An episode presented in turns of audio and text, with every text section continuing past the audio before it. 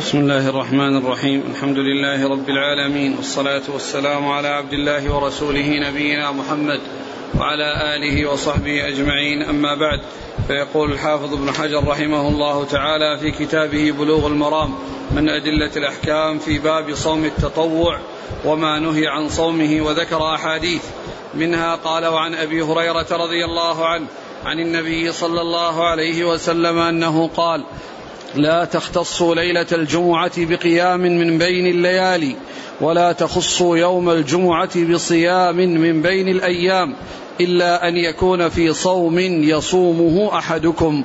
رواه مسلم. بسم الله الرحمن الرحيم. الحمد لله رب العالمين وصلى الله وسلم وبارك على عبده ورسوله نبينا محمد وعلى آله وأصحابه أجمعين. هذه الترجمة التي هي باب صوم التطوع وما نهي عن صومه مر فيها أحاديث تتعلق بصلاة التطوع ومر أحاديث تتعلق بما نهي عن صومه. وهذا الحديث منها مما نهي عن صومه. فإن النبي عليه الصلاة والسلام قال في هذا الحديث لا لا تخص يوم الجمعة ليلة الجمعة بقيام ولا يوم الجمعة بصيام إلا أن يوافق صومه. وهذا يدل على تحريم صيام يوم الجمعة مفردا ولكنه ولكنه يجوز إذا أضيف إليه غيره. والجمعة هو عيد الأسبوع. وقد سبق أن مر أن عيدي السنة لا يجوز صومهما مطلقا. وأما عيد الأسبوع الذي هو الجمعة فإنه يصام ومعه غيره. يصام ومعه غيره. وكذلك أيضا لو كان الإنسان يصوم يوما ويفطر يوما ووافق أن يوم الجمعة هو يوم صيامه فله ذلك. وعلى هذا فصيام يوم الجمعة يجوز في حالتين. إحداهما أن يكون يصوم يعني يوم بعد يوم ويوافق يوم الجمعة. والثاني أن يصوم يوم الجمعة ومع غيره يعني يوم قبله أو يوم بعده. أما أن يصومه مفردا ويقصد إلى صومه مفردا فإن هذا لا يجوز لأنه شبيه بعيد الفطر وعيد الأضحى اللذين نهي عن صومهما إلا أن هناك فرق بين النهي عن صوم يوم الجمعة والنهي عن صوم العيدين لأن النهي عن صوم العيدين مطلق ليس مقيد وأما صيام الجمعة فإنه مقيد بأن يكون بأن لا يكون آه، قبله يوما أو بعده يوم أو لا يكون موافقا لصوم آه، يصومه. و وقد جاء أحاديث وآثار تدل على أن يوم الجمعة يقال له عيد وهو عيد الأسبوع وهو خير أيام وهو خير الأيام وأفضل الأيام يوم الجمعة و فأفضل أيام الأسبوع هو يوم الجمعة وهو عيد عيد للمسلمين في الأسبوع ولا تخص ليلته بقيام ولا يخص يومه بصيام وإنما الصيام متعلق بصوم يوم قبله أو يوم بعده. ولهذا النبي عليه الصلاة والسلام كما في صحيح البخاري دخل على جويرية أم المؤمنين رضي الله عنها وهي صائمة يوم الجمعة فقال لها أصمت أمس؟ يعني يوم الخميس؟ قالت لا. قال أتصومين غدا؟ يعني السبت؟ قالت لا. قال فأفطري. يعني أنه لا يجوز قصده بالصيام دون أن يكون يصام يوما قبله أو يراد أن يصام يوما بعده أو يراد أن يصام, أن يصام يوما بعده. نعم.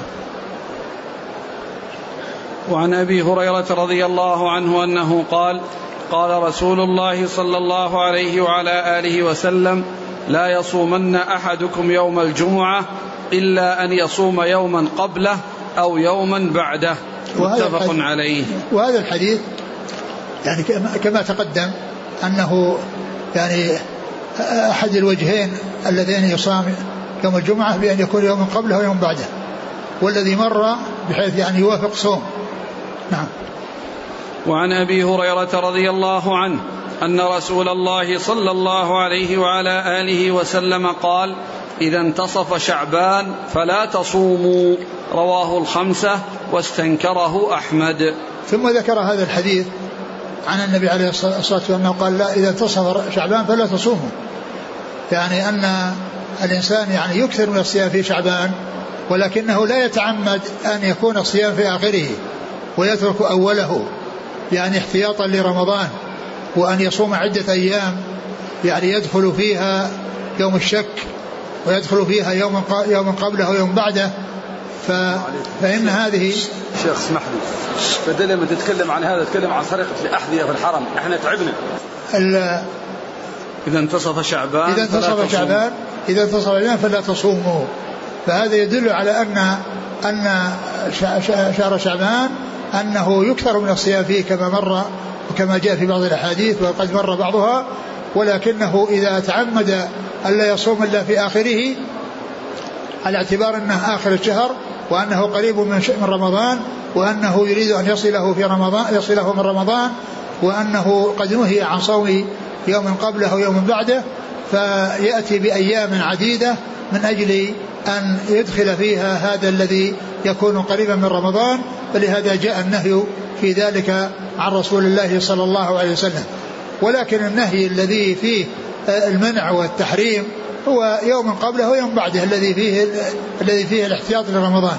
أما هذا فإنه كالحماء كالحماء أو كالشيء المتصل بهذين اليومين اللذين يصوم الإنسان إياهما في من أجل الاحتياط لشهر رمضان. نعم. وعن الصماء بنت بسر رضي الله عنها أن رسول الله صلى الله عليه وعلى آله وسلم قال لا تصوموا يوم السبت إلا فيما افترض عليكم فإن لم يجد أحدكم إلا لحاء عنب أو عود شجرة فليمضغها. رواه الخمسة ورجاله ثقات إلا أنه مضطرب. وقد أنكره مالك وقال أبو داود هو منسوخ. ثم ذكر ثم ذكر هذا الحديث في يوم صيام يوم السبت والنهي عن صيامه. وقد جاء ما يدل على صيامه وعلى النهي عن صيامه. وعلى النهي عن صيامه. وهذا الحديث فالنهي عن صيام يوم, يوم السبت. وأن الإنسان لا يصومه ولو أن ولو أنه آه يعني آه يفطر آه على يعني لحى عود يعني يمضغه فيكون مفطرا غير غير صائم. والحديث اختلف فيه. منهم من صححه ومنهم من ضعفه وقال فيه اضطراب. ولكنه على صحته فإنه يحمل على الإفراد وأن الإنسان يفرده بالصوم. أما إذا صام يوما قبله أو يوما بعده كما هو في الشأن في الجمعة فإنه لا بأس بذلك. ويدل لهذا حديث جويرية الذي في البخاري والذي أشرت إليه آنفا وهو أن النبي صلى الله عليه وسلم قال دخل عليها وهي صائمة يوم الجمعة فقال أصمت أمس؟ قالت لا. قال أتصومين غدا؟ قالت لا. قال فأفطري. فقوله أتصومين غدا يعني السبت. يعني فهذا يدل على أن السبت يصام تطوعا. يصام تطوعا مع الجمعة. كقوله أتصومين غدا؟ فلهذا يعني بعض أهل العلم قال إن هذا الحديث إذا إذا صح فإنه يحمل على إفراده. أما أن يكون يعني لا يصام أبدا سواء وصل به غيره أو لم يوصل به غيره فهذا غير صحيح. نعم. ألا يستفاد من حديث أبي هريرة لا يصومن أحدكم يوم الجمعة إلا أن يصوم يوما قبله أو يوما بعده. نعم هذا يوم بعده الذي هو السبت. لكن هذاك الحديث يعني حديث حديث جويرية قال فأفطري. نعم. وعن أم سلمة رضي الله عنها أن رسول الله صلى الله عليه وسلم أكثر ما كان يصوم من الأيام يوم السبت ويوم الأحد وكان يقول إنهما يوم عيد للمشركين وأنا أريد أن أخالفهم. أخرجه أخرجه النسائي وصححه ابن خزيمة وهذا لفظه. أعد. عن أم سلمة رضي الله عنها أن رسول الله صلى الله عليه وسلم أكثر ما كان يصوم من الأيام يوم السبت ويوم الأحد. وكان يقول إنهما يوم عيد للمشركين وأنا أريد أن أخالفهم. أخرجه النسائي وصححه ابن خزيمة وهذا لفظه. ثم ذكر هذا الحديث فيما يتعلق بصيام يوم السبت والأحد وأن النبي صلى الله عليه وسلم كان يكثر من صيامهما. ويعلل ذلك بأنهما عيد المشركين. والمراد المشركين اليهود والنصارى واليهود والنصارى مشركون. والشرك يطلق على النصارى وعلى غيرهم ولكنه كثيرا ما يطلق على عبدة الأوثان الذين ليس لهم دين ولا ينتمون إلى دين. ولكن ولكن النصارى اليهود والنصارى مشركون. وقد قال الله عز وجل يعني في قال الله عز وجل تعالى تعالى الله عما يشركون. تعالى الله عما يشركون اللي هم اليهود والنصارى. و فهم مشركون لأن لأنهم يعبدون مع الله غيره. والنصارى يقولون واليهود يقولون عزيز ابن الله والنصارى يقولون المسيح ابن الله. فهنا قوله المشركين المقصود اليهود والنصارى. المقصود به اليهود والنصارى. وأحيانا ما أحيانا يأتي ذكر المشركين ومعطوف عليهم أهل الكتاب. فيكون المقصود المشركين الذين عطف على أهل الكتاب الذين ليس لهم دين والذين لا ينتمون إلى دين مثل عبدة الأوثان. فكانوا يوم السبت عيد اليهود ويوم النصارى ويوم الأحد عيد النصارى ويوم الجمعة عيد المسلمين. والرسول عليه الصلاة والسلام كان يحب أن يخالفهم. وهذا يدل على أن يعني يوم السبت أنه جاء ما يدل على أنه يصام. على أنه يصام. ف فالرسول عليه الصلاة والسلام كان يحب أن يخالفهم يعني أنه يصوم يعني يوم اليوم الذي هو عيد لهم عيد اليهود والذي هو يوم عيد للنصارى. نعم. الشيخ يقول ضعفه نعم فيه فيه مهدي مهدي بن فيه مقبول هذا لأنه لم يتابع عليه. كلهم من طريق عبد الله بن محمد بن عمر بن علي عن أبيه عن نعم نعم, نعم هذا حديث آخر. يعني هذا الذي هو مقبول. الذي هو عبد عبد الله بن عبد الله بن محمد. عبد الله بن محمد بن عمر بن علي. نعم. يعني هذا يعني قالوا عنه مقبول أي أنه حيث يتابع. نعم. وعن أبي هريرة رضي الله عنه أن النبي صلى الله عليه وعلى آله وسلم نهى عن صوم يوم عرفة بعرفة.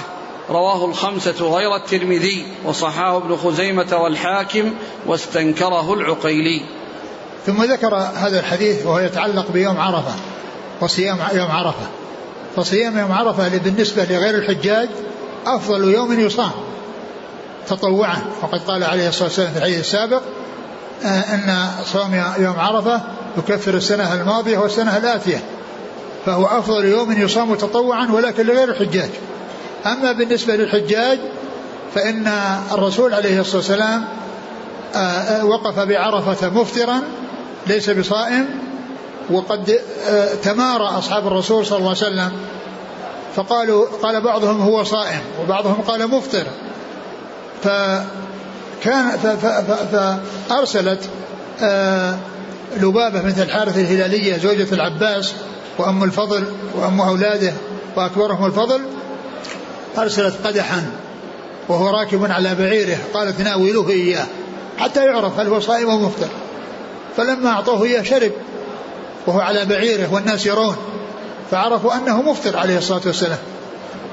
وجاء هذا الحديث الذي فيه النهي عن صوم يوم عرفة بعرفة هو مطابق لفعله صلى الله عليه وسلم.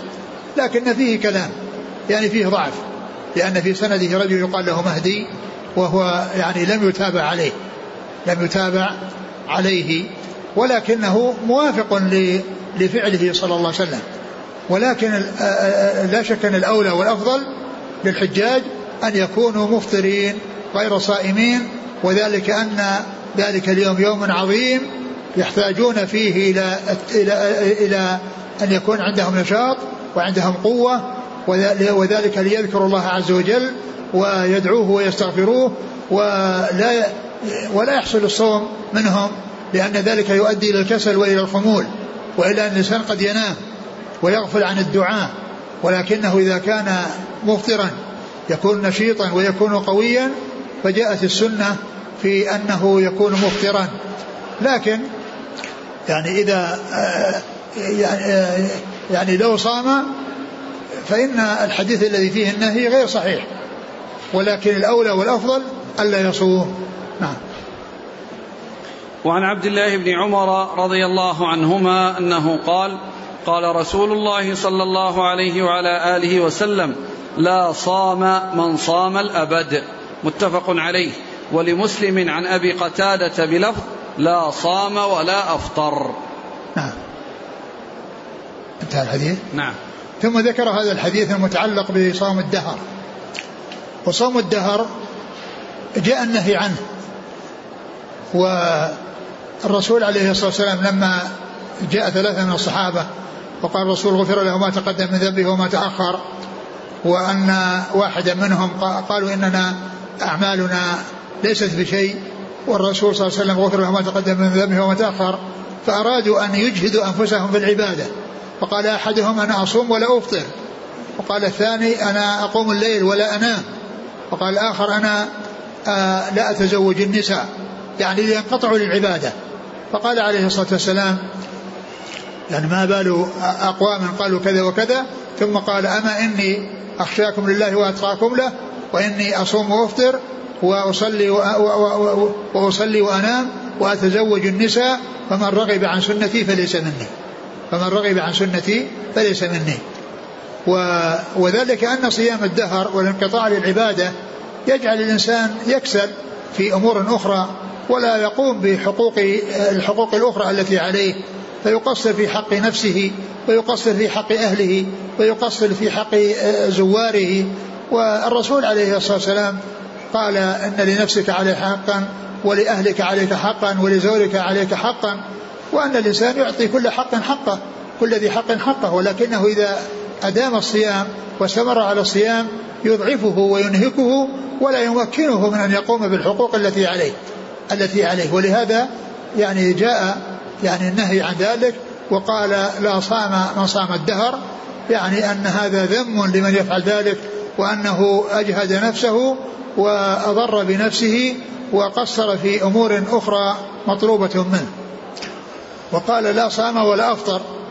يعني ما حصل له الصيام الذي به قوته ونشاطه ولا حصل منه ما حصل منه الإفطار الذي فيه قوته ونشاطه ولا حصل الصيام الذي يثيبه أو يعني يثاب عليه الأجر العظيم والثواب الجزيل.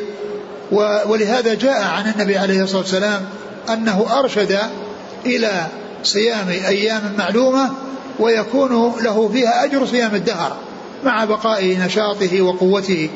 كما مر في الحديث أن صيام ثلاثة أيام من كل شهر كصيام الدهر وقال حديث من صام رمضان وأتبعه ستة من شوال كان كصيام الدهر.